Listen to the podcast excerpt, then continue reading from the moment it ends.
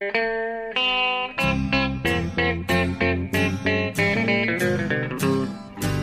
out there, we're on the air. It's hockey night tonight. Tension grows, the whistle blows, and the puck goes down the ice. The goalie jumps and the players bump, and the fans all go insane. Someone roars, Bobby scores at the good old hockey game. Oh, the good old hockey game is the best game you can name. And the best game you can name is... Hallå, hallå, hallå, hallå, hallå, hallå, hallå, hallå, hallå, hallå. Yes, hallå och välkomna till eh, NHL-podcasten med Jonathan Onskan Mowgli Bambi Ekeliv som ni just hörde där i, sitt vanliga, i sin vanliga Hello Rant. Hello, hello. Och eh, jag då, Per Bjurman, i New York. Vi ska spela in eh, eh det sam sammanlagt eh, 274 avsnittet och ett av, eh, ett av säsongens eh, mer eh, spännande avsnitt. För att eh, det här är sista, sista innan måndagens eh, trade deadline i NHL. Och det, det här är alltid en, en kittlande tid på året. Jonte, eller hur? Ja, precis. Det är en av favoritperioderna måste jag säga på NHL-säsongen alltså. Ja. Det händer så mycket nu. Vi har många trader vi måste ta tag i för att eh, vi har nöjt oss med en i veckan ungefär tidigare här i februari. Men nu har det smällt till som bara den här på de senaste dagarna och det kommer väl fortsätta fram till deadline på måndag. Så att vi ska prata om de som vi, när vi spelar in det här, vet om och vad vi tror kommer hända då. Eh, fram till eh, klockan 21 är det ju på måndag som deadline är. Ja, det är också fascinerande att, att vi redan är här. Jag tycker att man, när man sitter i eh, oktober, november så, så känner man herregud, tänk eh, vad långt bort eh, trade deadline och sånt är. Usch, ja. För att det är också, det är också fascinerande på så vis att, att eh, vi brukar prata om att efter, efter All-Star breaket då börjar liksom upploppet. Men ja. det är ju ännu mer sant efter trade deadline, då börjar verkligen spurten. Ja, exakt, precis. Då är det inte mycket mer än en månad kvar. Nej. Och eh, till, till, slutspelet då. Och, eh, eh, det sker en stegring, en intensifiering som får eh, hjärtat att eh, dunka. Ja men så är det, för kolla, ja, nej men visst, du, du kan ju inte låta bli att kolla på slutspels-matchups redan i december, att kolla nu här, nu, är, nu blir det ju minsann eh, Toronto mot Montreal, kanske du sa i november till exempel. Ja, just men... nu hade det gärna fått börja, för då hade vi haft Tampa, Florida och Edmonton Calgary. Ja, du ser precis exakt. Ju...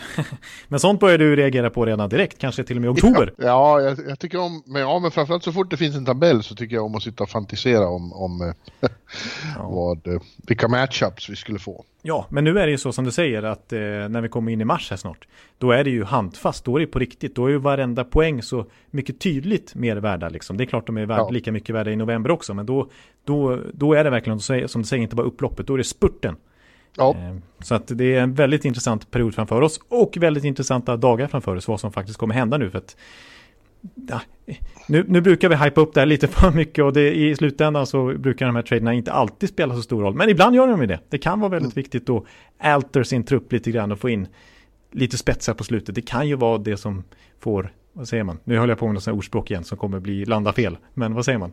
Tippar bägaren över hit. Ah, jag ska inte hålla du, du vet vad jag menar. Ja. Jag, kan, jag, får aldrig, jag kan aldrig sätta rätt där. Men... Strået som knäcker kamelens rygg, något sånt. Ja, det, det skulle jag aldrig ha hittat på. Det kunde ha blivit vad som bli... helst. Ja, ja. Eh. ja men eh, jo, det är, ju, det är ju extremt fascinerande på, på så sätt att det är på något vis nu eh, general managers lägger eh, sitt Stanley Cup-pussel Ja. Och eh, det allra intressantaste är att det oftast, eller nästan aldrig är med de stora splash-traderna de fulländade pusslet, utan det är med, med eh, de smarta komplement-traderna. Eh, man får in en Michael Kempney eller något sånt. Ja, precis. Och ändå så är det ändå är ju fokus på de stora, stora traderna, det blir ju så. ju större namn desto mer sjunger det till i sådana som oss.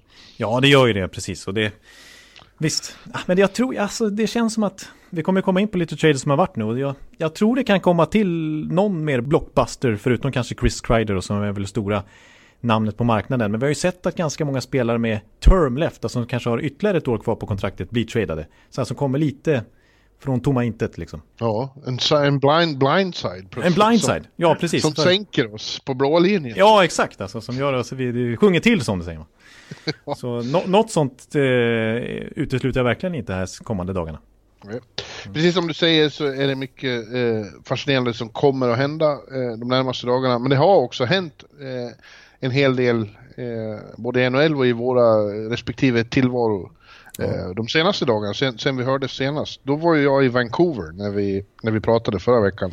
Precis, det var stort Sedin-fokus då. Ja, och då eh, det han ju då sen kulminera med, med brödernas tröjhissning i Rogers Arena och det var en, en mycket fascinerande ceremoni att få vara med om.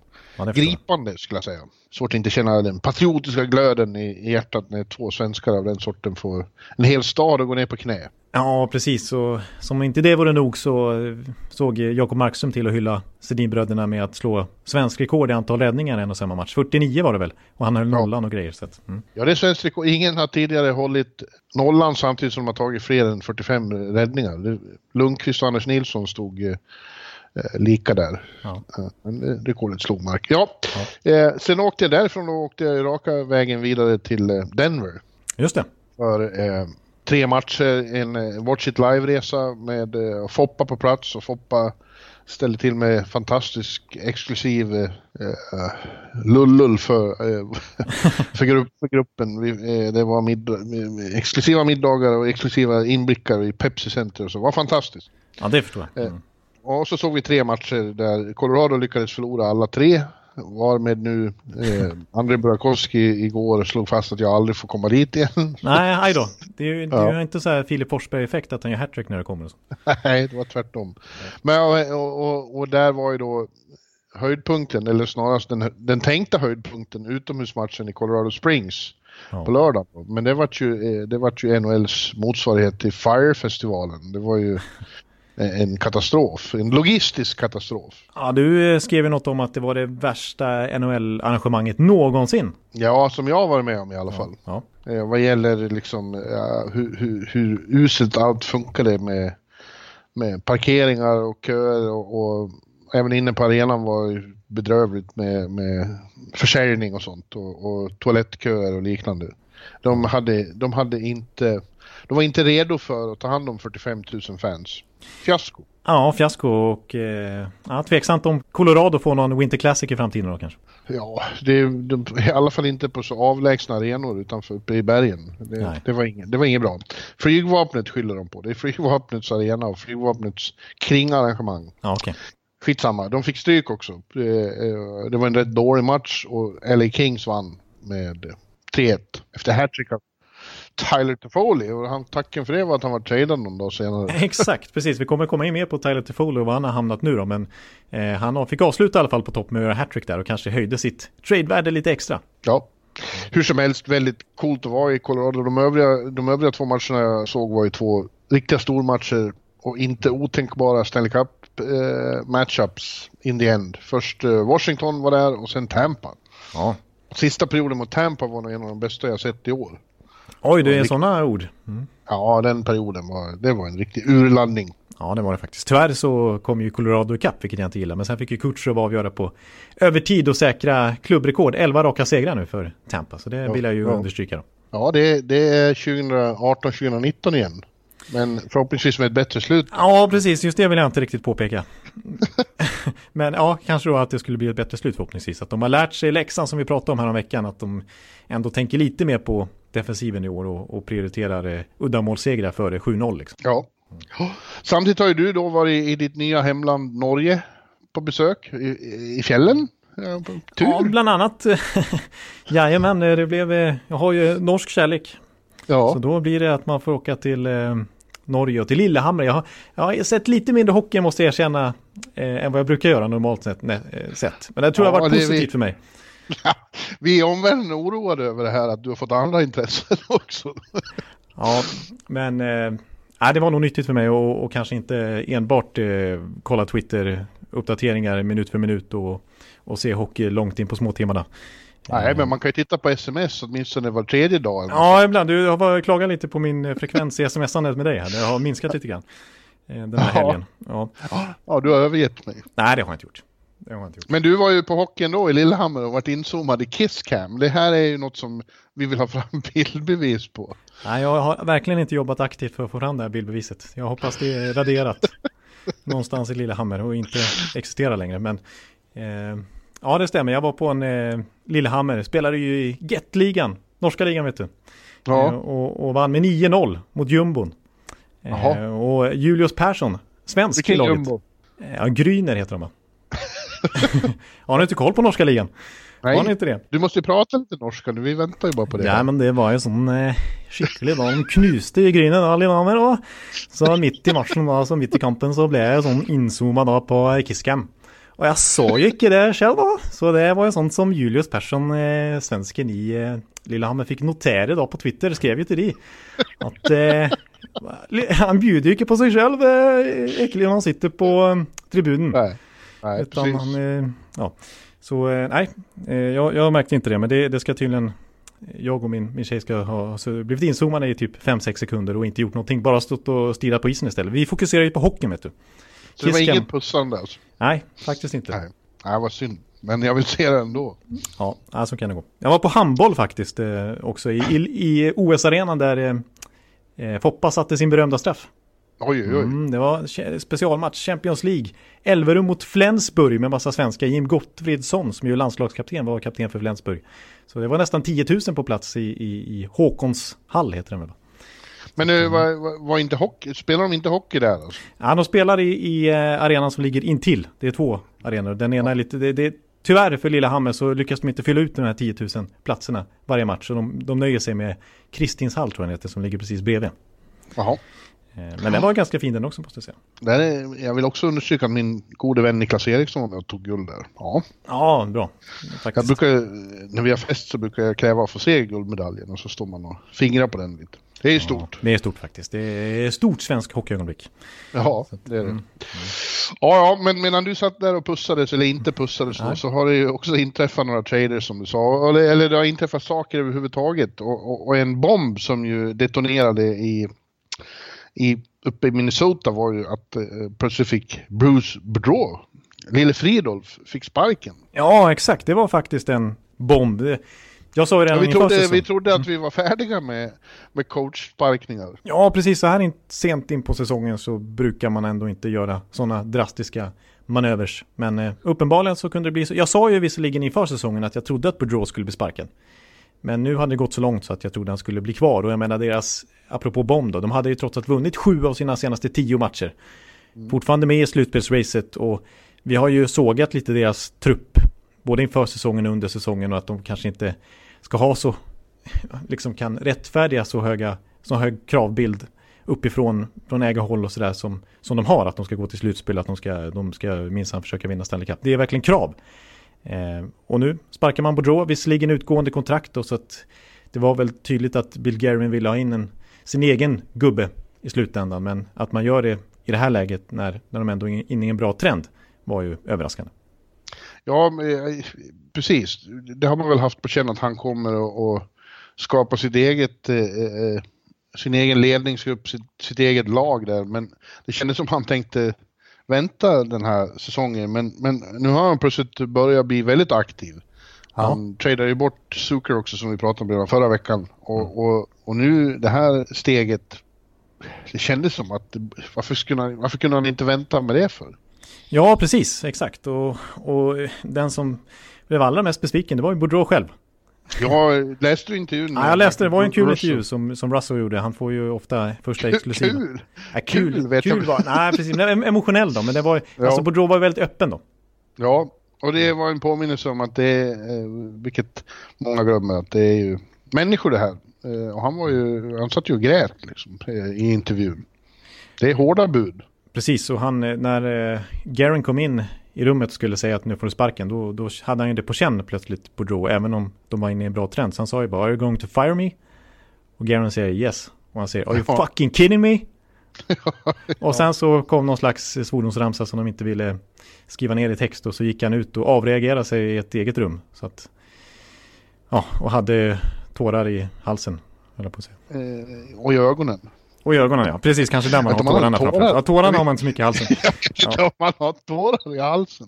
Nu säger jag, jag ska inte hålla på med ordspråk. Det blir bara totalt fel varje gång alltså. Jag kan inte. Ja, det, är väl, det är väl inget ordspråk, det är bara eh, fysik. Ja, exakt. Ja, det det var faktiskt mer fysik än ordspråk. Ja, ja. Eh, nej, men han, han sa ju... Biologi kanske. Ja, Ja, men han sa ju då att han hade velat stanna i, han trivdes så bra i Minnesota med familjen och så vidare och vänner och sådär. Att han hade velat stanna i tio år till. Han hoppades ja. att det skulle bli hans sista NHL-jobb. Ja, han förstod ju att eh, när Billy kom in att uh, han uh, skulle väl förmodligen ersättas då i sommar. Men mm. ja, jag, jag, jag, tycker det känns som onödigt att ställa till med redan nu. I synnerhet ja. som de hade varit, som du påpekar, bra uh, ett tag nu. Men mm. Eh, vad vi kan konstatera är ju att eh, de som fortfarande har jobb nu borde vara lite nervösa inför sommaren då, för det är inget dålig, det är ingen dålig uppställning coacher som, som har fått sparken och väntar på nya jobb nu med, med, med, Bruce och Galant och Laviolette. Mm. Ja. ja, det finns Babcock, att välja och vraka mellan. Babcock kanske då, om han någonsin får ett jobb igen. Vi får se. Ja, han är i alla fall tunga profiler. Ja. Eh, onekligen som har, jag menar, Boudreau ligger ju högt upp på segerlistan i NHL. Ja. Han har ju inte haft någon stora framgångar i, i slutspel i, i karriären direkt. Men i grundserien har han verkligen, hans lag varit maskiner. Eh, fram till det börjar hacka lite i Minnesota. Och han är ju en sån där, det har vi pratat om förut också, att han är en sån där som, nu kommer han förmodligen vara arbetslös resten av säsongen, men annars har han knappt varit arbetslös hela sitt liv. Så fort han har blivit sparkad tidigare i karriären, då har han ju direkt sett till att hitta ett nytt jobb. Ja, ja. ja jag önskade ju att de här sparkade den arrogante David Quinn och satte in Lille Fridolf direkt. Men det verkar inte vara att hoppas på. Nej, så blir det nog faktiskt inte. Men vem, vem vet? Alltså, vi har ju som sagt, vi har sagt förut nu att det sista coachen för säsongen är sparkad. Men det kanske vi inte ska göra den här gången. Nej, mm. Nej det törs vi inte säga nu. Nej. Det, det, kan hända eh, vad som helst verkar på, på den fronten. ja, precis. Men jag kan nämna det också då, den som tar över tills vidare i alla fall som interim coach istället, det är ju assisterande Dean Everson. Han är gammal NHL-spelare själv, över 800 matcher. Slagskämpe, han var ju typiskt en riktig sån old school-spelare på 80 och 90-talet. Och pratas ju lite, han var ju en 15-kille, för 15 hade ju honom när han var, när 15 var i Nashville och hade hand om Milwaukee och AHL-laget så var det ju eh, Everson tränare där i sex år under 15. Så det var ju han som tog dit honom från början. Jag vet inte om det är Garins kille riktigt, men det pratas ju om att anledningen till att Bill Garin gjorde det här bytet är för att Everson är en sån väldigt passionerad person. Han, han he talks like this, you know. He, he liksom, han är liksom så här vet du. Så att eh, bara själva rösten, bara själva karisman hos Everson hoppas Garin ska liksom väcka Minnesota till liv här i slutet av säsongen. Bara alltså, hans röst att få ta över i omklädningsrummet ska liksom... Hur, hur pratar han så? He talks like this, you know. We gotta fight everybody. Come on now. One month left of the season, you know. Ja, ja. Mm. ja. Jag tycker du ska börja prata så hela tiden. Ja, det är, jag är mer inne på det här vet. Snacka åt det här hållet sådär. Men... Ja, men, men äh, ja, det, får vi ju se hur det går. I, i Calgary var det ju väldigt bra när äh, han tog över som interim äh, Jeff Ward. Mm. Så det kan ju, kan ju ge en positiv effekt utan att vi har så jättebra koll på de här interim-coacherna. Vad de går för liksom när de aldrig haft den här typen av tjänst förut på så hög nivå. Nej. Så, ja. Nej, det vet jag inte. Men du, eh, eh, precis som, som vanligt då så eh, är det ju inte, det är många general managers som verkligen inte vill vänta ända till sista stund i trade deadline utan man försäkrar sig om de förstärkningar man vill ha. Så vi, eh, vi har haft en del, eh, rätt så många trader redan och eh, fler lär vänta, ja. inklusive medan vi sitter och spelar in kommer säkert eh, eller innan, medan, mellan vi spelar in och du har klippt det här och, och ja. skickat ut Precis, tyvärr hinner det gå kanske 4-5 timmar. Jag måste sätta mig på redaktörsstolen på jobbet en stund innan jag kan få ut det. Så det är, vi, vi förvarnar om att det kan ju hända någonting. Tänk om Crider blir tradad här de närmsta timmarna. Eller sånt Vi får se. Mm. Men det, det, har ganska mycket ändå att prata om för det har hänt mycket senaste dagarna som vi måste sätta tänderna i. Ja, men man måste ha eh, Twitter uppe här ifall det smäller till. Ja, precis så är det. Mm. Men eh, jag är lite inne på om vi ska börja med alltså apropå som har hänt på slutet här, eh, eh, vad New Jersey har gjort. För de har varit, de hade framförallt i söndags så var de aktiva och slog till med två ganska betydande trader. Ja, eh, vår vän Andy Green som har varit där i 14 år, lagkapten. Ja. Fick sätta sig i bilen och köra tvärs över stan och inställa sig hos sin gamla general manager Lou Lamoriello istället i New York Islanders. Ja, eh, precis det var ju, han hade ju en no trade klausul så han kunde ju välja lite grann. Han kunde ju stoppa en trade så att säga. Men när Lou ringer, då var Green sugen på att åka dit. Ja, ja det, det, känns, det känns som en väldigt återförening mellan de två. Eh. Att det var en Lou, Lou trade, verkligen. Ja, han var... vet vad han får, det är hans kille. Liksom. Exakt, för till och med alltså hur Lou tog honom till Devils en gång i tiden, det var genom odraftad överårig liksom free agent. Så det var inte någon högt draftval direkt, så, utan det var verkligen Lou som handplockade honom från college. Ja. Så de har en väldigt bra relation. Ja, men det blir alltid lite konstigt när en sån trotjänare och kapten eh, försvinner. Det, de tar ju med sig en del av lagets identitet. Så är det ju bara. Exakt, och det är bara ytterligare understryker det här uh, nybygget som återigen Devils försöker iscensätta. De gjorde ett så sent som i somras, men det har ju helt uh, rivits ner nu nästan. Jag menar... Ja, det är ju fire sale där. Ja, precis. Är, alltså... uh, den interim general manager Tom Fitzgerald, han ska bygga om det här nu igen. Mm. Den här konstruktionen, det varit ett fuskbygge, det varit snett och vint och de måste riva, riva väggarna och bygga, bygga direkt om från grunden igen. Precis, för om man bara sammanfattar så är det så här, Taylor Hall, största stjärnan borta, vi har både John Hines, tränare borta, Ray Shearer, alltså general manager borta, eh, Blake Coleman som vi kommer in på, 21 mål den här säsongen borta. Och det pratas ju om att eh, Fitzgerald, interim GM här, kommer fortsätta och kanske skicka Vatanen skicka Paul Mary. Det kan liksom... Wayne Simmons. Wayne Simmons förstås ja. Eh, så att de är absolut inte klara än helt enkelt. Nej. Eh, det har inte dock börjat så bra för Green i Islanders. De har ju varit ute på en roadtrip, fyra matcher västerled, förlorat samtliga, tog noll poäng. Ja. Eh, riktig skitsekvens i säsongen. De har ramlat ner från slutspelsplats till och med. Ja. Ja, Eller, nej, ja men precis. På, de är på sista wildcard. Ja. Samma poäng som Columbus. Men de har ju legat på andra eller tredje plats i Metropolitan nästan hela säsongen. Uh, och nu blir vi nedpetade av Philadelphia. Det är anmärkningsvärt, som vi ja. brukar säga här. Precis, och vi, sa, vi snackade ju lite Islanders för kanske Remarkabelt. två... Remarkabelt, ja precis. För vi snackade lite för kanske två veckor sedan om Islanders att de att fasen de var inne i var lite oroväckande och lite man har inte känt igen det under Barry Trotts ledning i Islanders tidigare. För de har varit så otroligt pålitliga och så trygga i sitt grundspel så att de aldrig liksom har förlorat två matcher i rad nästan, höll jag på att säga. Det känns som att de varit väldigt habila i alla fall. Ja. Eh, men nu, då, då snackar du om att du tyckte att han verkar lite orolig i sina uttalanden att det var inte lik Barry Trotts så nu, jag menar, nu ser det lite illavarslande ut. Ja, Faktiskt med verkligen. Toronto som eh, ligger på underifrån och vill komma upp på slutspel också. Ja. ja, men som du nämnde där, de har också hunnit skicka Blake Coleman då. Betjänten som jag kallar honom för att jag tycker att det låter som ett sånt betjäntnamn. Och det kommer väl från eh, eh, filmen Trading Places. Eh, ombytta roller heter den på svenska med Eddie Murphy ja, och, och Dan Aykroyd. Eh, där är det en betjänt som heter Coleman. Ja, nu du skickade något sms att du tyckte att eh, alla betjänter heter ju Coleman, så då måste ju... Ja. Då är det bara att kalla honom för betjänten helt enkelt. Han är betjänten i min, i min värld. Och, och eh, det, det, tycker jag är en sån här trade som, som jag nyss pratade om. Eh, en, eh, inte, inte ett av de största namnen, men ett, en väldigt bra pjäs inför ett slutspel. Eh, en fruktansvärt energisk och passionerad spelare och dessutom eh, har ju en väldigt spets. När han är i form så är han extremt målfarlig. Ja, han har ändå gjort 21 mål den här säsongen i New Jersey. Eh, I ett skitlag. I ett skitlag. Men i, men i ett lag som har gått väldigt dåligt. Ja. Eh, och, och, det känns som han passar så väldigt bra in i Tampa. Jag träffade ju dem i, i, i Denver som sagt och, och Victor mm. Hedman var eld och lågor.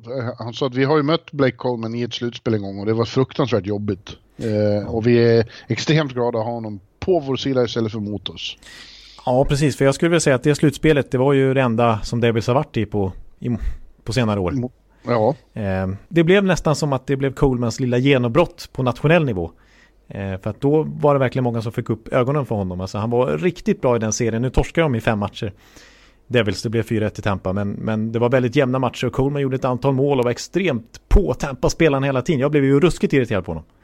Eh, Ja. Så ja, tidigare var han liksom en lite så random AHL call-up. Han är inget tidigt draftval eller något sånt där utan han har ju successivt fått jobba sig in i NHL-kostymen och där kändes det som att han verkligen blev en, en spelare på folks läppar. Ja, och det känns som det är precis vad, vad Bolts har saknat, eller hur?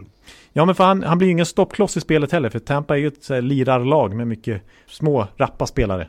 Men de saknar mm. lite grit, lite edge, lite det där som blir betydande i slutspel trots allt. När man blir ja. irriterad på varandra och möts varannan dag hela tiden. Och där kommer ju Coleman att vara nyttig liksom. För dels som jag säger så här, så han är bra i spelet också så han kommer kunna lira med Tampa-spelarna men han kommer också kunna bidra med det här lilla extra som de kanske trots allt har saknat. Då. Väldigt nödvändigt i, i Tampa att någon kommer in och rättar till divalaterna höll jag på att kalla det. Men, men det här som de själva erkände att det var ett stort problem senast. När de leder med 3-0 mot Columbus så nöjer de sig inte med det utan får för sig att vi ska vinna med 6-0. Vi ska stila här. Ja. Eh, det blir inget med nu. Nej, det kommer inte Coleman acceptera. Eh, nej, så det, han, det blir spännande att följa och sen måste man ändå, som många har gjort nu senaste dagarna, ge beröm till, till Fitzgerald, alltså han som håller på att riva ner gamla Devils. Ja, det var ju dyrt för Tampa. Eh, precis, för att eh, Green fick han ju faktiskt ett andra runda val för och det är ju rätt mycket ändå för en 37-åring. Som ju inte är sin peak direkt men som kommer fylla en bra funktion i Islanders. Och för Coleman så fick han ju dels ett första runda val. Eh, det som tillhör Vancouver i den gamla JT Miller-traden från somras. Så dels ett första runda val och Tampas bästa prospect. Han fick ju faktiskt Nolan Foot som Tampa själva tog då i första rundan i somras. Mm. Så två, i praktiken två första runda val för Blake Coleman. Och som sagt, vi hyllat Blake Coleman nu. Jag tror han passar väldigt bra i Tampa. Det är därför Julian Brisbois gick så hårt för honom, general managern. Men det är dyrt för en liksom andra, tredje kedjespelare att offra två första runda val. Han har haft eh, intensiva dygn, läste jag precis här på Athletic. Han, eh, hans fru är, är gravid med första barnet och ska nedkomma med unge första mars. Ja. Eh, så att han fick börja med att ta sig ner till Tampa och installera henne Tampa är ute, eller eh, jo, ja, de är på roadtrip. På, eh, Tampa ska ja. möta Vegas i natt. Mm. Ja, men hittade något hotell där downtown och fick hjälp av Steven Stamkos fru som också är höggravid. Ja. Och sen flyga direkt ut till Vegas och där hade de rookie-middag. Så han kom till rookie-middagen. Ja, just det. Ja. I Vegas då. Ja, det är ett bra tillfälle att lära känna oss. Ja, exakt. Jag tror han har rätt bra koll på många i laget nu. Ja, de, de, de, de går ju hårt in när det är Rookie-middag. Ja, ja det, vi får se hur den här matchen går egentligen. Det känns som att den där segersviten kan klippas av nu. Ja, de har haft två lediga dagar i Vegas. Det är inte något bra. Nej. Det är inte bra, Jonathan. Nej, jag räknar med förlust, måste jag säga. Då skulle, då skulle de ut och spela golf också. Berättade Hedman hur, hur eh, något företag flyger ut deras golfklubbor. Kommer hämta det hemma och när de landar, kommer ut på golfbanan, då ligger de egna klubborna där och väntar. Så är det bara att åka därifrån. Och dag, någon dag senare så är de hemma, klubborna levererade hem i, i Tampa igen. Ja, Vilket lyxliv! Ja, det är fruktansvärt lyxliv alltså. Det är... Det är, det, är, ja, det är pengar som flyger iväg där på allt möjligt. Ja, men ja. Vid, vidare. Det har ju varit ytterligare några Eh, trader vi har eh, några back, eh, backtrader. Mm. Jag tror Washington hoppas ha gjort en likadan. Eh, vi nämnde Kempney där som varit central för dem när de vann Stanley Cup. Ja. Eh, nu har de tradat till sig en till back den här gången från San Jose i, i Dillon. Vad heter han? Brandon Dillon. Brandon Dillon. Mm. Eh, och det gör man sig nog också förhoppningar om att det är en likadan trade. Ja, då, precis. Så han var det lite huggsexa om, så där gick ju priset upp. Det kan jag nämna om Blake Coleman också, att där var det ju jättemånga lag. Det var ju typ fem sex lag som erbjöd ett första, första runda val. Sen var det upp till New Jersey att välja best prospect och då tog man ju Nolan Foot från Tampa. Men även Boston och Edmonton och så vidare. Men nu, Brandon, eh, Brandon Dillon. Eh, ja, det var, det var också huggsexa. Det slutade med ett andra runda val och ett tredje runda val mm. i, i, här. Eh, och det är ändå rätt, rätt så kraftigt pris. Men, men jag tror också att, att det här är en bra... Han är en defensiv, eh, han tätar till eh, längst bak där. Precis, och han är van att spela med offensivt lagda backar som Erik Karlsson och Brent Burns, inte minst de mm. senaste åren här. Och nu är tanken att han ska spela med antingen Orlov eller John Karlsson. Eh, mm. Eh, och förhoppningsvis tätta till lite framför kassen. För där har ju faktiskt Washington haft lite problem nu på slutet och de, har ju, de är ju faktiskt inte inne i någon bra fas. Alltså. Eh, Eh, sen jul så har de i princip förlorat lika många matcher som de har vunnit. Så att, eh, nu har ju Pittsburgh gått förbi dem på första platsen i, i Metropolitan och bara för några veckor sedan så ledde ju Washington hela NHL. Mm. Eh, och en anledning till att det har gått dåligt, eller kanske en främsta anledning som det pratas om, det är ju att de har varit för slappa defensivt och inte tillräckligt hårda framför kassen och, och sådär. Och Todd Reardon fick ju faktiskt lite utbrott efter förlusten mot Vegas sen nyligen. När han sa att eh, liksom systemet sitter, killarna gör, liksom de står rätt positionerade som, som jag vill att de ska göra. Men do your fucking job liksom. När ni är framför ja. kassen, då ska pucken bort. Då ska ni liksom rensa bort klubbor och, och, och motståndare liksom. Det ska inte vara så slapphänt. Och då hoppas man ju då att Brennan Dillon som är en defensiv back eh, ska kunna vara lite hård för det det har varit för mycket fokus på att Ovechkin ska nå sina jävla 700 tror jag. Ja, precis. Vi garanterade ju här veckan att han skulle nå dit. Ja. Men det har han inte gjort. Det har låst sig för hela Washington. Fem raka utan mål nu, det är inte likt honom. Ja, det är verkligen inte. Då blir det svårt att nå de där 900 nästan som man ska göra för att slå Gretzky. Ja. Ehm, men ja, jag kan bara för statistiskt poängtera det här med Washingtons lilla problem framför kassen är att de faktiskt, trots att de ligger så högt upp i tabellen så är de det lag som släpper in sjunde flest mål eh, från slottet, från egna slottet i, i, i ligan. Så där har de mm. lite att jobba på. Ja. Fler, fler sådana eh, back-trailer eh, har varit eh, Scandella, Marcus Scandella från Montreal till St. Louis. Eh, vi hade också Dylan DiMelo, säger mm. man så? Ja. Från Ottawa till Winnipeg. De fick den back de behöver i Winnipeg.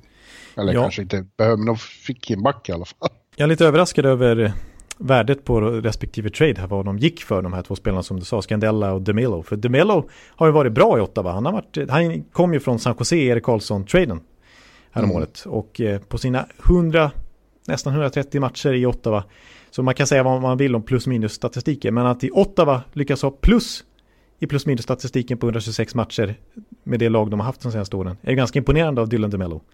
Han har ju fått mycket beröm för sitt både defensiva och till viss del offensiva och transition-spel faktiskt. Eh, så, här. så att, att, han bara gick för tredje runda val kändes lite lite och en väldigt bra värvning av Winnipeg som verkligen skriande backbehov då.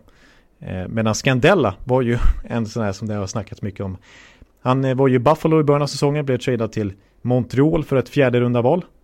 Eh, spelade där i 20 matcher. Nu tradar St. Louis mm. till sig honom för ett andra runda val. Ja. Eh, så helt plötsligt så, så gick hans värde upp så mycket, trots att han inte gjort något jätteväsen av sig i Montreal. Och det gör ju Buffalo-fansen helt vansinniga. Ytterligare kritik mot hårt ansatte general managern Jim Botterill. Alltså skänker bort han för ett fjärde runda val och bara för någon månad senare ser att han går för ett andra runda val till en annan klubb. Att, ja, mm. men det måste vara att Blues ser något där som eh, passar just dem väldigt bra. Ja, precis. Och de fick ju i sin tur stort behov av eh, en back då. För det har, har ju hänt sen senast vi spelade in också, vilket var extremt olyckligt och otäcka bilder. Men som tur var så ja, vaknade ju ja, Jay Bowmister till liv. Jay fick mm. ett hjärtstillestånd på, på, på bänken, ja. Föll ihop. Men det, var, det, har gått bra, tack och lov. Ja, tack och lov så, så, så gjorde de ju ett fantastiskt jobb där snabbt. Inte minst Anaheims läkarteam där. Eh, mm. De, och även spelarna som agerar så snabbt. Eh, det tog ju på några hundradelar så i princip så var det läkare framme. Ja. Eh, så, att, så att därför har ju St. Louis varit ute efter en, en ersättare helt enkelt och då landar det i Marcus Scandella. Ja, eh, och slutligen då eh, en back till eh, mm. var ju då eh, Alec Martinez. Eh, det rör på sig internt i Pacific-divisionen rätt mycket. Ja. Han, han, lämnar Kings för Vegas då, åker I-15 till strippen. Ja. Mm. och ja, Alec Martinez minns jag främst för att det var han som sänkte Rangers och Henrik Lundqvist med sitt övertidsmål i Game 5 i finalen 2014. Ja, det är så jag minns han också. Och du var ju till och med på plats och satt där på läktaren och fick gå ner och prata med en helt eh, förstörd Henke Lundqvist efteråt. Ja, ja där fick han sin dröm förstörd och det var ju så jävla rafflande då. Vi var väl inne i tredje, andra eller tredje övertidsperioden och det var en sån där kväll när det var varmt och det slutade med att man stod upp och tittade. Fick lov att knyta av sig slipsen, hänga kavajen på, på stolen och, och kavla upp skjortärmarna och stå och titta. Så jävla infernaliskt var det då. ja, jag kommer ihåg att jag såg den matchen också. Den avgjordes ju typ då åtta på morgonen, svensk tid. Nej, det kändes ja. som att det var extremt sent i alla fall. Förmiddag ja. nästan. Ja, ja det, var, det var hemskt var det, tycker jag. ja, ja. Ja, men han en gammal sanning, sanning då som Kings-spelarna brukar ta fram att hade de förlorat där då hade de inget kvar. De hade spelat bara Game 7 hela, genom hela slutspelet och, och var fullständigt slut där. Ja just det, det är sant. Det har ju snackats om. Att det var, trots att det blev 4-1 i matcher så var det en så, så viktigt mål liksom. Ja. ja, ja, nu är han i Vegas. Det är verkligen fire sale i LA också. Ja, precis, det är det. Men jag måste ändå ge, till slut här, måste vi ändå ge Rob Blake lite cred. Vi har ju hackat på honom mycket. Och hans företrädare, Lombardi, för att de kanske premierade sina Stanley Cup-hjältar lite för, för mycket och har satt sig själva lite i skiten med många långa kontrakt och jobbiga och dyra på gamla spelare. Så Men de har ju blivit av med rätt många nu. Mm. Och det ser inte riktigt illa, lika illa ut. Och plus att Rob Blake har ju faktiskt byggt upp det som rankas objektivt sett faktiskt enligt i princip alla prospect-experter som den bästa poolen i hela NHL, alltså flest talanger på gång.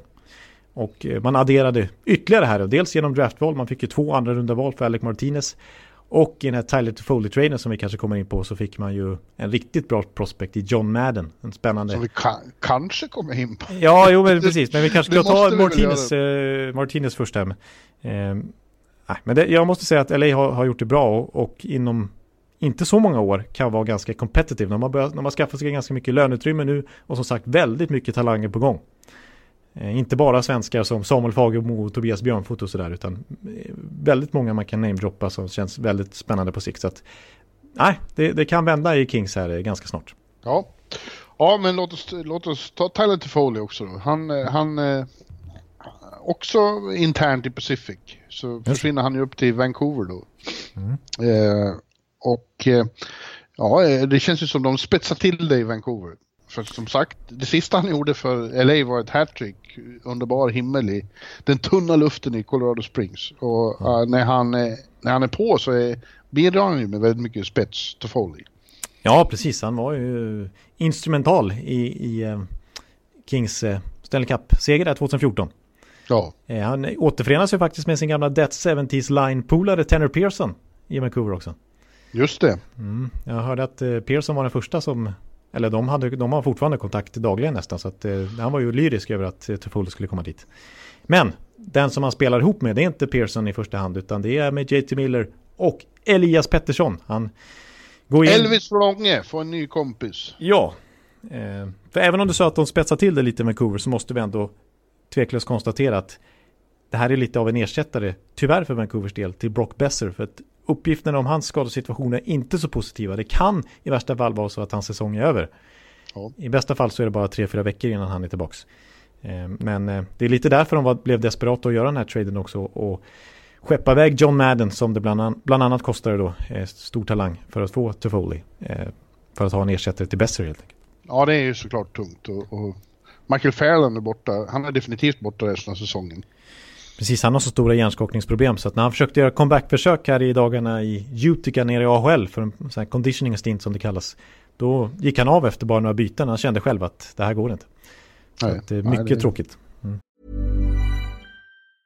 Getting engaged is a moment worth cherishing. A one-of-a-kind ring that you design at Blue Nile can help your love sparkle. Just choose your diamond and setting. When you found the one, you'll get it delivered right to your door. Finding the right engagement ring can be nerve wracking. At Blue Nile, you'll have the expert guidance needed and a diamond guarantee that ensures you're getting the highest quality at the best price. Cherish all of life's moments and save up to 30% at BlueNile.com. That's BlueNile.com. Verkligen. Ja, och då är frågan då, eh, Jonte Ekeliv, vad kommer vi mer att få se för trader innan, innan eh, innan fönstret stänger på måndag. Ja, precis. Det finns ju... Några ska ju vara out of the blue också. Tror vi oss. Ja, men... vi, hop vi, hoppas ju det, att det plötsligt är Malkin på väg till, till uh, Tampa. Ja, precis. Det blev ju väldiga spekulationer när det twittrades ut att uh, Malkin has left the warm-up. Ja. liksom. ja. Det var ju naturligtvis bara en liten lätt skada, men nej, då var det ju snack om att nej, nu är han tradad. Men... Det är lite synd. Vi, vi, vilka, är de, vilka är de som absolut omöjligaste som skulle bli tradade. Det är de bästa. Conor McDavid, Nathan McKinnon, Elias Pettersson. De kommer inte att bli tradade. Nej, det kan vi slå fast. Men eh, Malkin är ju liksom... Där finns det ju någon slags procent eh, promille att han skulle mm. kunna bli tradad. Ja. ja vi, vi, kan inte gå igenom lag för lag här. Det hinner vi inte idag. Du är ju så redaktör så du måste ju vara ute och, och jobba med glader. Ja, det är ett bra namn i alla fall. Jag är glad för det. eh, nej, tyvärr. Så ni får skylla på mig här om det inte blir riktigt den längden vi skulle kunna vilja ha ett sånt här avsnitt. För att det är ju... Eh, vi skulle kunna ha, precis, vi skulle kunna ge igenom varenda lag inför deadline här. För att alla har ju någonting för sig tror vi. I alla fall en plan. Liksom. Mm. Eh, men eh, om man kollar lite grann, alltså det, det högst, vi kan ju ta han direkt, det största namnet som med största sannolikhet kommer bli tradad, det är ju Chris Kreider. Eh, det har vi egentligen varit inne på ända sedan Taylor Hall blev tradad att, att Kreider är högst på listan nu.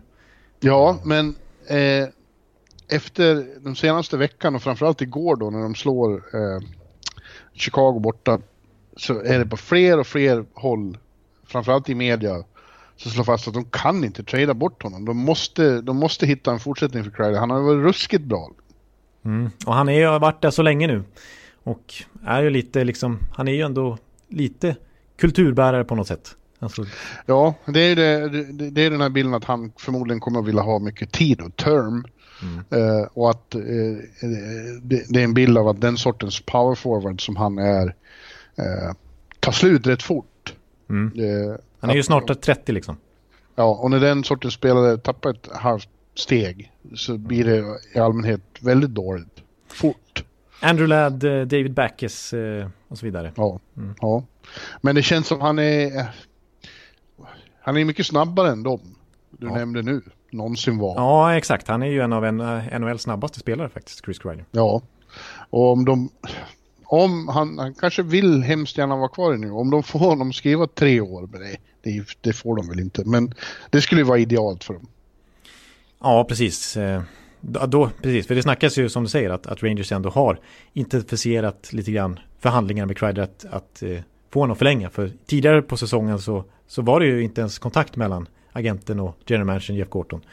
Men nu snackas det ändå lite grann om att Rangers ska försöka. Om, om de skulle trada honom, att de kanske tar tillbaka honom i sommar då. Ja. Eh, när han blir free agent igen. Om inte hans nya klubb skriver nytt kontrakt. Så att, eh, men det är ju... Det, är ju ett, alltså det gör ju också att hans tradevärde blir extra högt, vilket kan locka Rangers att trada honom. Nu när ja, han har varit så bra. För att han, han känns ju verkligen, när vi pratar om Blake Coleman, alltså Chris Kreider är ju lite liknande typ. Väldigt snabb, väldigt ettrig, får igång, eldar igång sitt lag med sin... Alltså dels in i omklädningsrummet men inte minst sitt sätt att spela på. Eh, ja. Och så målfarlighet. Ja, ja, mm. Det driver ju också priset att det verkar vara flera lag som är intresserade. Med Boston och Colorado i första rummet. Eh, och eh, det, han, känns ju som en, han känns ju verkligen som en perfect fit i, i, i Boston. Ja.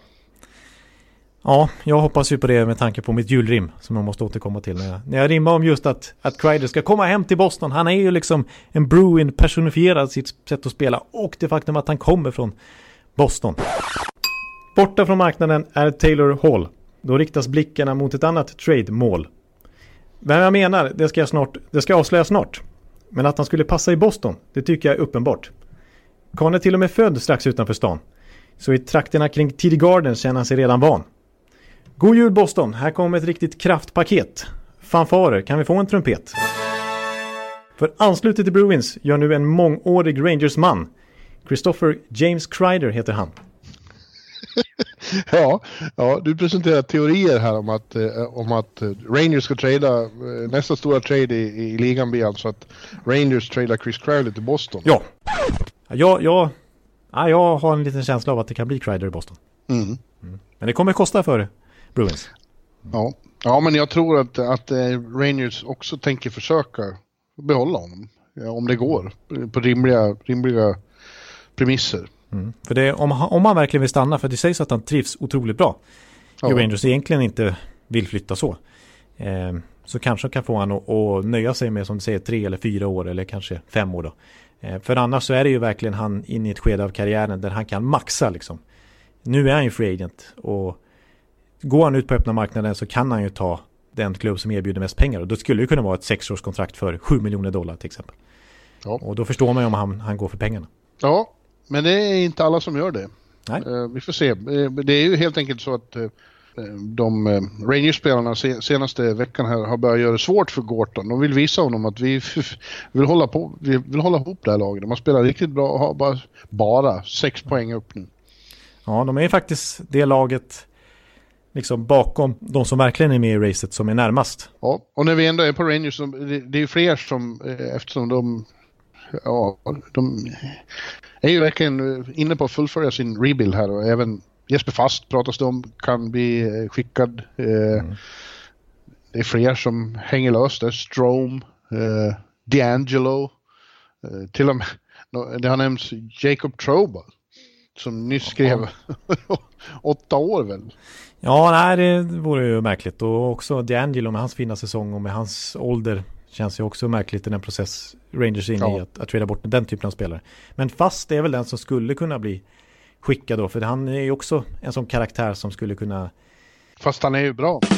Ja.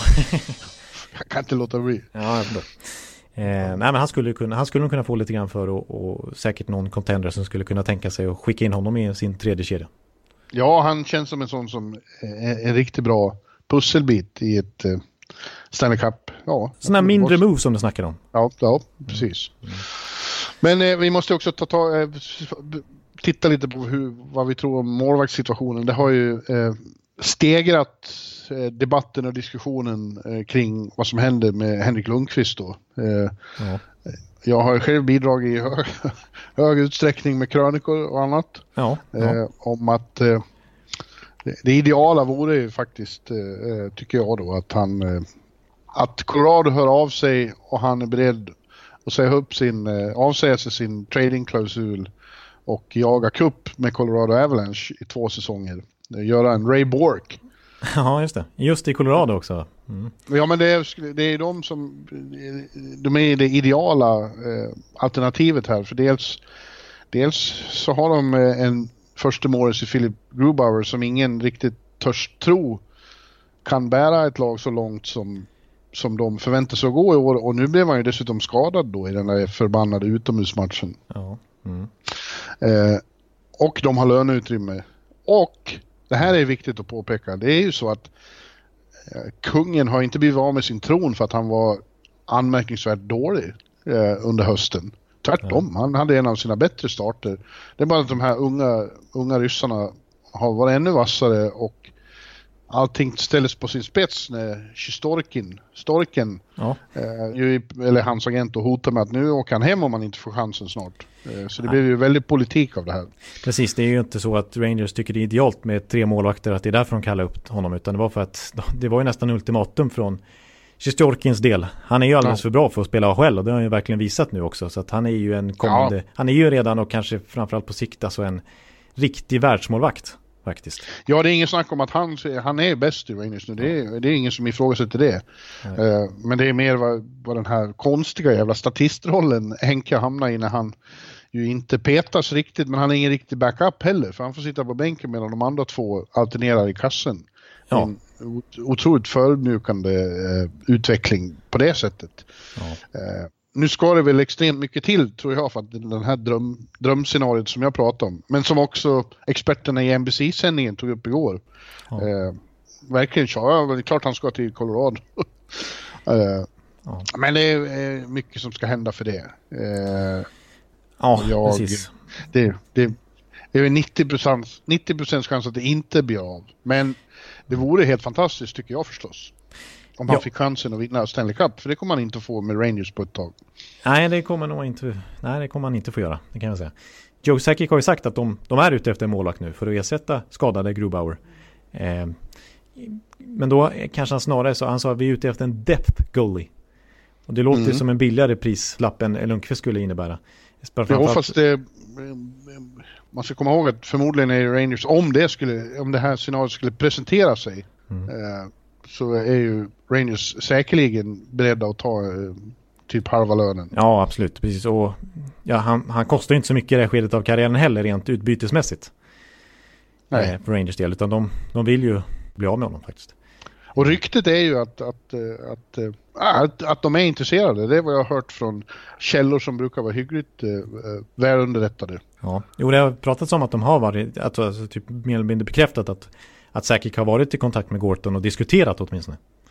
Ja. Eh, men som sagt, Sakic har sagt att de är ute efter en death goal, så de är inte ute efter en, eh, en dyr första keeper direkt. Utan de är ute efter en försäkring om Groba blir borta ett tag och sen har ju Fran Franchus har ju varit väldigt bra, backupen, hela säsongen och, måste man säga. Så att det är inte säkert att den nya målakten som kommer in konkurrerar ut honom heller. Men eh, de, alla, de, ska i alla fall ha en, en, ett, ett alternativ det, så är det bara. Och det kan ju som sagt bli Lundqvist. Ja. Mm. Ja. Mm. Ja, det är, en, eh, det är en mycket ovanlig situation och jag får, rent personligt så tycker jag att det är, det är plågsamt det här. Alltså. Ja. Han, vi, jag har ju följt honom i 15 år och min, min, hela min tillvaro här i New York har på, på många sätt varit kopplad till eh, Henrik Lundqvists tid som regent. Eh, ja. Så, eh, man får leta efter nytt fotfäste här i New York om man är jag. Ja, jag förstår det. För att han är, han är ju New York Rangers. Det är han som, som är hans enorma ansikte som är tapetserat där på Madison Square Garden liksom. Jag har varit det i ett Ja, decennium. men han är, han är också, om jag får vara så personlig, han är lite del av, av min identitet som NHL-korre också. Ja, så är det ju. Mm. Hur många gånger har han inte skrivit, säger Henrik Lundqvist till eh, Sportbladet? Ja, herregud. Det är ju, jag försökte räkna ut hur många matcher jag har sett med honom, men det är ju, ja, det är ju ruskigt många. Liksom. Det är ju 600-700 gånger jag har sett honom live. Liksom. Och sen har jag sett resten, nästan allt på tv, Ja. som jag inte har sett live. Och, och alla, nästan alla slutspelsmatcher. Och det är bara det är ju några stycken. Ja, jag förstår det. Det är lite identitetskris här. Ja, I ja, nu, är det, nu, är, nu är det ju inte mig det är då liksom precis synd om på något vis. Det är inte egentligen synd om honom heller. Det finns de som har det betydligt värre än, än, äh, än NHL-proffs överhuvudtaget som inte Ja. får 297 slutspelsmatcher har han spelat. Och, eh, och då har jag missat högst 10 av dem live. Ja, det är ändå en del. Ja, det är en hel del matcher du har sett med. Det kan du få, det kan du få se. Det kan jag få skryta om. Det tycker jag du kan få göra.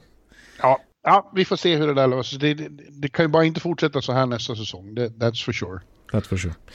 Men då tänkte jag att vi kan prata om en annan svensk målakt som det är trade-rykten kring. Och det är ju Robin Lehner. Eh, och eh, han är ju ändå en kategori nu så att han är ju en...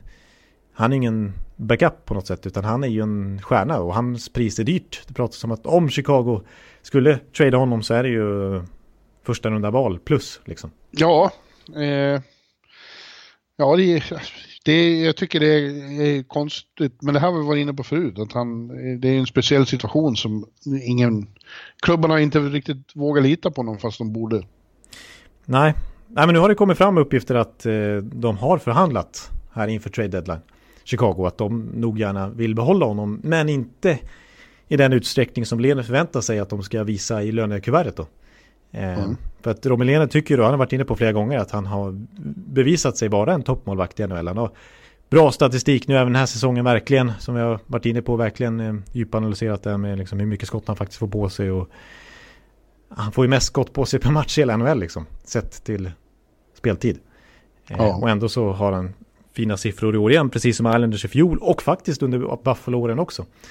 Ehm, Så att han tycker att han, han ska få en bra första målvaktlön. Och han ska äntligen få lite term på, på, på kontraktet också och inte behöva nöja sig med ett eller två år. Men det som har läckt fram då i, i de här initiala förhandlingarna mellan Chicago och Lenen är att eh, nej, Chicago är inte riktigt inne på att ge det där långtidskontraktet med hög lön som Lene förväntar sig. Och då kanske det blir så helt enkelt att man, man tradar honom här vid deadline. Mm. Eh, pratas om Carolina till exempel, att Carolina inte litar helt på, på sin duo där. Trots att Mrazek var så bra i fjol i, i slutspelet så har han inte varit så, lika bra i, i år. Och James Reimer är ju en, har inte varit en pålitlig målvakt tidigare i karriären i alla fall. Så att, eh, att få in Lene vore ju väldigt bra för dem. Och de har ju ett extra första runda val från Toronto i samband med Marlowe-traden i somras. Så att de Mm. skulle ju kunna ha pusselbitarna för att få det gjort. Eh, så att, ja, jag utesluter inte att Lena blir tradad. Alls. Eh, innan deadline. Även om jag Nej. tycker att det är han Chicago ska satsa på över tiden. Det är ju en destination. Colorado är ju också, en, även för honom, en tänkbar Ja. destination. Absolut, absolut. Så Mm. Det är de lagen som jagar målvakt. Så, att, mm. Eh, så vi får se vad som händer med, med Lener. Eh, I Chicago har vi en annan svensk, Erik Gustafsson, som verkligen är på trade-tapeten också med tanke på att han har utgående kontrakt. Ja. Och han är ju lite äldre än vad man tror, trots att han liksom verkligen slog igenom i, i, i fjol. Och han har känts lite ung och lovande länge, så är han, han är väl 92 eller 91, så att han är ju, han är väl 27-28 år liksom. Eh, så att, eh, och är ju UFA då helt enkelt. Han är inte RFA längre, utan han blir faktiskt UFA i sommar. Och eh, jag menar, Chicago har andra unga backar på gång som kanske kommer ta över hans roll här och redan gjort till viss del. Adam Bokvist inte minst då. Eh, Ja. Så man kanske inte, man har ju inte så jättemycket löneutrymme trots allt i Chicago med, med, med Taves och Kane och Seabrook och Keith och gänget då som har sina löner och så eh, måste, men ingen av målvakterna har kontrakt nästa år så det kommer ju kosta och The Brinkets nya lön kickar in först nästa år.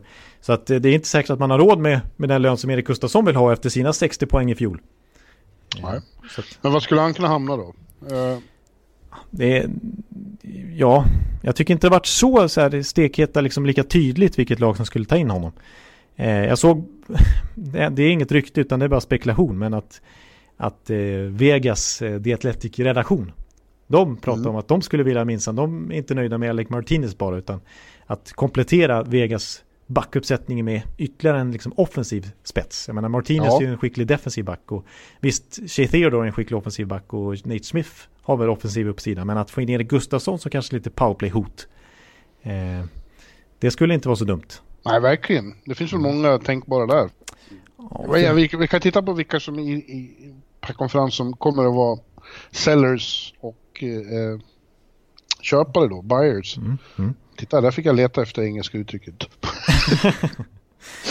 Men i, i, i öst så är det väl tydligt att Buffalo, Montreal, New Jersey, Ottawa och Detroit är de som inte kommer att gå till slutspel. Nej. Förmodligen inte Rangers heller då, men, men de lever ju sin dröm fortfarande. Åtminstone spelarna, men inte klubbledningen.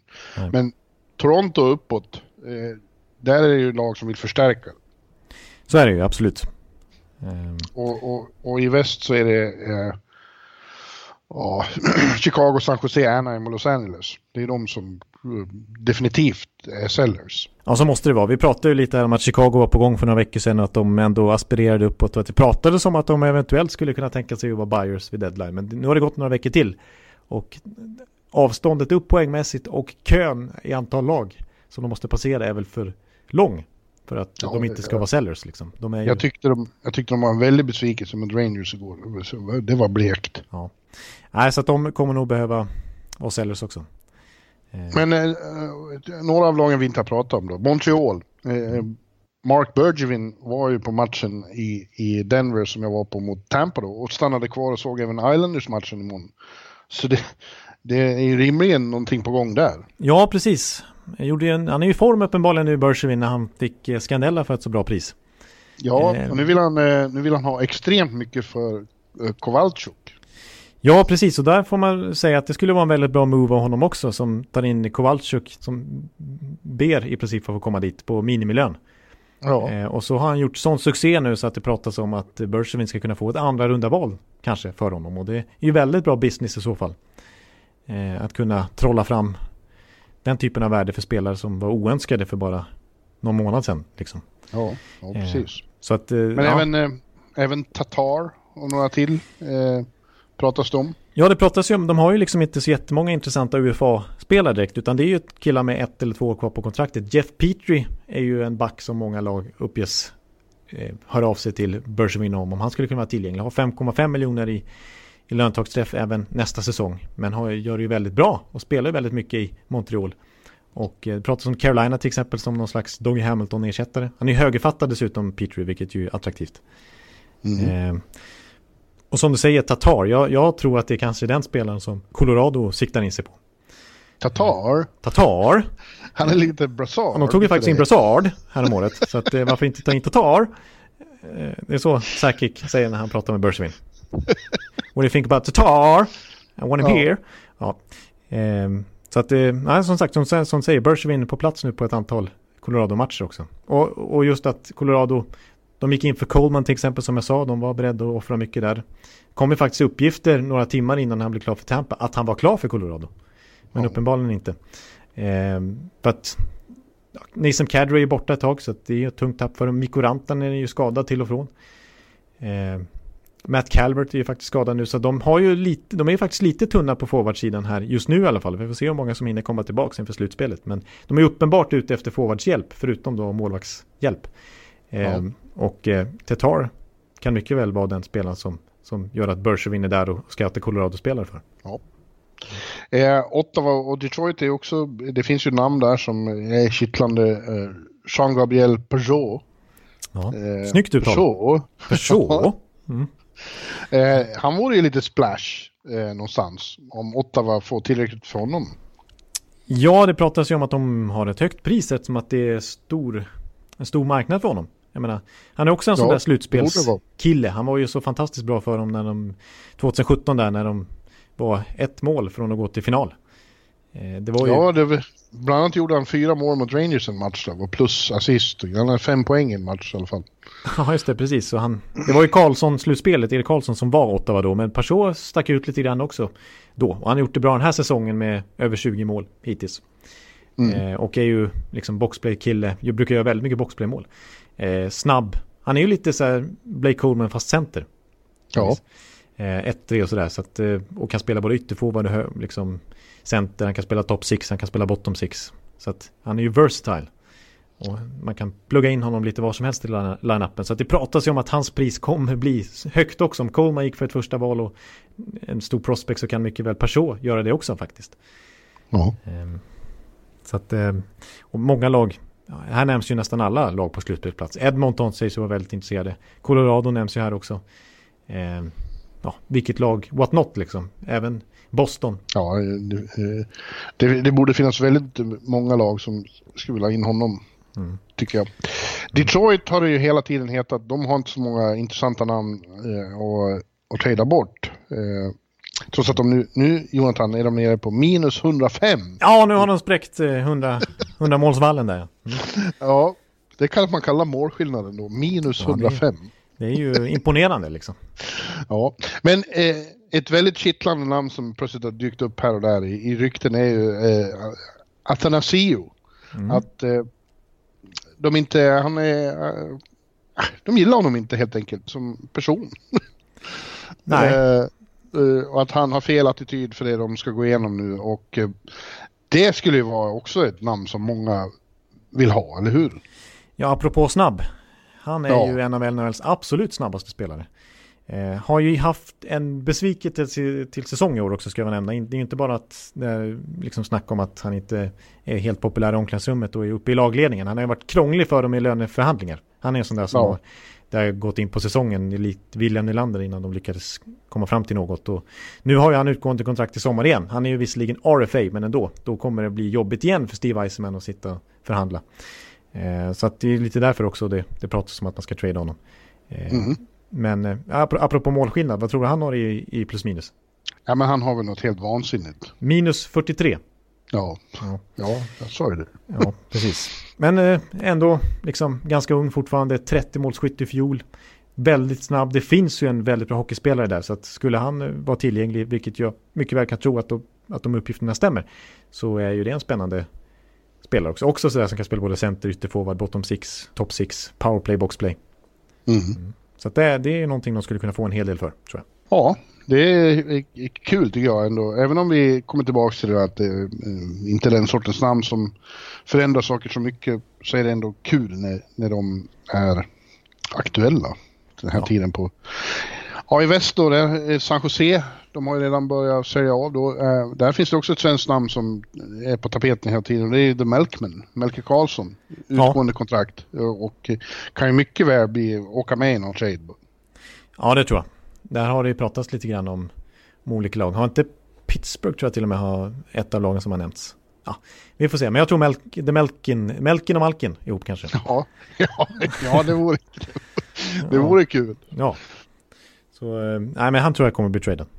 Ja, Boxplay-specialist. Han är ju, dels det och han har erfarenhet, han har spelat final. Han är, han är en bra slutspelspjäs att få in. Precis. I en mindre roll. Fick ta stort ansvar i, i San Jose förra slutspelet eh, efterhand när de åkte på så mycket skador. Mm. Så att han, är, han är van vid i den scenen. Mm. Ja, ankorna då? Mm. Jag tycker inte man hör så mycket om han. Det är han, eh, det är Josh, eh, vad heter han? Manson. Manson. Manson Family. Ja, ja. Ja, det är väl han som skulle vara också med term left på kontraktet då, men som, som också en skicklig, han skulle, skulle han vara tillgänglig så, så absolut en, en back man borde gå efter. Inte så hög lön, inte så farligt hög lön och eh, väldigt stabil defensivt. Lite fancy stats darling har han ju varit genom karriären också. Ja. Mm. Men våra svenska vänner där, Raquel Silverberg Lindholm, de sitter säkert. Ja, det känns som det i alla fall. Det känns som att eh, de har stort förtroende fortfarande hos Murray, general manager där. Ja. Så att, eh, och de är väl ändå inte riktigt i den, visst de är, de är inne i sin prime nu liksom och ja, det känns ändå som att Anaheim fortsätter satsa på dem men, men eh, eh, å andra sidan så känns det som att Anaheim ännu tydligare måste börja satsa på sina unga spelare.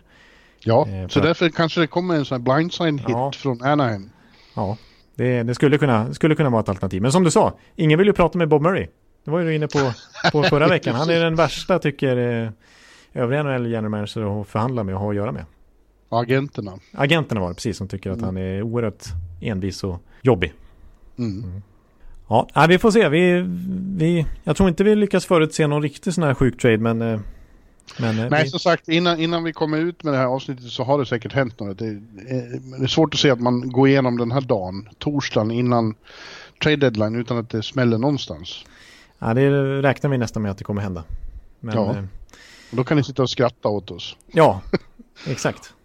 Det är svårt att spekulera något mer, men det kommer att bli, det kommer att bli kul. Eh, och vi kommer att ha åtskilligt att prata om nästa gång vi slår på den här inspelningsknappen. Ja, precis. För nästa gång vi spelar in då blir det en summering helt enkelt av vad som Ja. hände. Det är då vi, Ja. då går vi igenom på riktigt då. Och kan Ja, börja blicka framåt vi- mot slutspelet och, och faktiskt eh, lägga pusslet lite själva också. Ja, kalibrera med våra tips och vad vi tror när, det, när saker, när, när krutröken har lagt sig. Ja, precis. Så vi får Mm. se om det kanske blir direkt efter deadline på måndag då, som sagt 21.00 då, svensk tid. Eller så blir det väl senare i veckan, men det, det, det, det, det ser jag fram emot i alla fall. Ja, ja själv, ska, själv ska jag gå ut och klippa mig eh, och eh, köpa nya patroner till eh, min skrivare här. Det är alltid ett krångel med skrivare. Jag, Det- varför, är, varför är det alltid sånt krångel med printers? för? Nej, ingen aning, men jag tror varenda lyssnare känner igen sig i det. Det går alltid sönder och det måste alltid fixas och grejas. Och, Och det är alltid krångligare än vad man tycker det borde vara. Ja, och så ska jag vässla till mitt fantasylag så jag kan komma ikapp den osnutne Andreas Käck jag har mot mig nu. Just det. det han gillar inte att ligga under mot. Nej, han har ett otäckt bra lag med eh, Neon Leon. Eh, Drycytle. Precis, jag får erkänna där att i draften så tog jag alltså Tyler Seguin när jag hade chansen att ta Dreisaitl. Ja, det var Det, dumt. det är nästan diskvalificera mig från att ha den här NHL-podden. Jag ser att du idag har du, har du droppat Kadri och tagit in Devon Taves. Ja, det kan man ju verkligen ifrågasätta, men det var lite behov i kategorier plus att Kadri, jag har ingen IR-plats så jag kan inte sätta någon skadad spelare där så att jag var tvungen att dumpa. Han är ju borta i 4-6 veckor. Ja, du ligger under med 9-1 också. Mot, eh, mot Fredrik Pettersson. Ja, vi behöver inte prata mer fantasy nu tycker jag. Ja, Men jag ligger Ja, på slutspelsplats ett- i alla fall. Det har gått bra den här säsongen i övrigt. jag är precis på slutspel. Det kommer vara en kamp sista veckorna här. Och jag måste slå den där jävla check. Ja, det kan, det är mycket troligt så att ni kommer få se check i våran eh, deadline-sändning ska jag säga. Det det ryktas om att han ska in i studion. Eh, Vi kommer, Ja, ja. för på måndag blir det storsatsning på trade deadline. ja, precis. Vi kör ju livesändning i vanlig ordning. Vi har inte exakt spikat tider vi kör. Det är, just nu lutar åt preliminärt 19 till 21.30 ungefär som sagt. Och, och eh, fönstret stänger ju då 21.00. Men det brukar ju hända lite efteråt också. Ja. När, det ryker, när man får se vad som faktiskt han gå igenom och sådär. Ehm, Och eh, sen, sen vår nästa sändning då kommer bli från Nashville. För att, eh, på tisdag flyger jag till Nashville på en ny eh, Watch Live-resa. Eh, med. Foppa och, och en härlig grupp. Ja. Så vi ska vara en vecka i, i, på Broadway. Ja, det är, det är lyx alltså. Den, eh, Den, Martins Barbecue. precis, alltså det finns inte mycket bättre än eh, hockey i Nashville ändå. Alltså Nej. kombinationen Broadway och eh, Bridgestone Arena. Precis. Ja, det här är bara grattis till alla er som är med på den resan. Precis, och bra matcher. Eh, den första på tisdagen som inte riktigt ingår i resan, men vi är ändå där. Så det är Predators Senators, sen är det Flames och eh, Avalanche som är där. Ja, just det. Det är nästan lite kulminerade med Avalanche Preds. Ver- Verkligen, det kan bli en riktigt stor match. Ja. Ja, Ja. men eh, mer om det nästa vecka. Och eh, sammanfattningar från något eh, stackars hotellrum i, i Nashville då. Ja, precis, exakt. Men det, det blir nog bra. Det blir Eh. nog bra, hör du. Så, ja, så tack, eh, tack för det här, för den här veckan och eh, ha så trevliga trade deadline-dagar fram till måndag och så ses vi kanske i rutan då. Och annars så hörs vi nästa vecka. Akkurat! Akkurat ja! Hej hej! Hallå, hallå, hallå. Hallå, hallå, hallå. Alex Chiazot, Joe Luis Arena och Esposito. Esposito. Uttalsproblem, men vi tjötar ändå.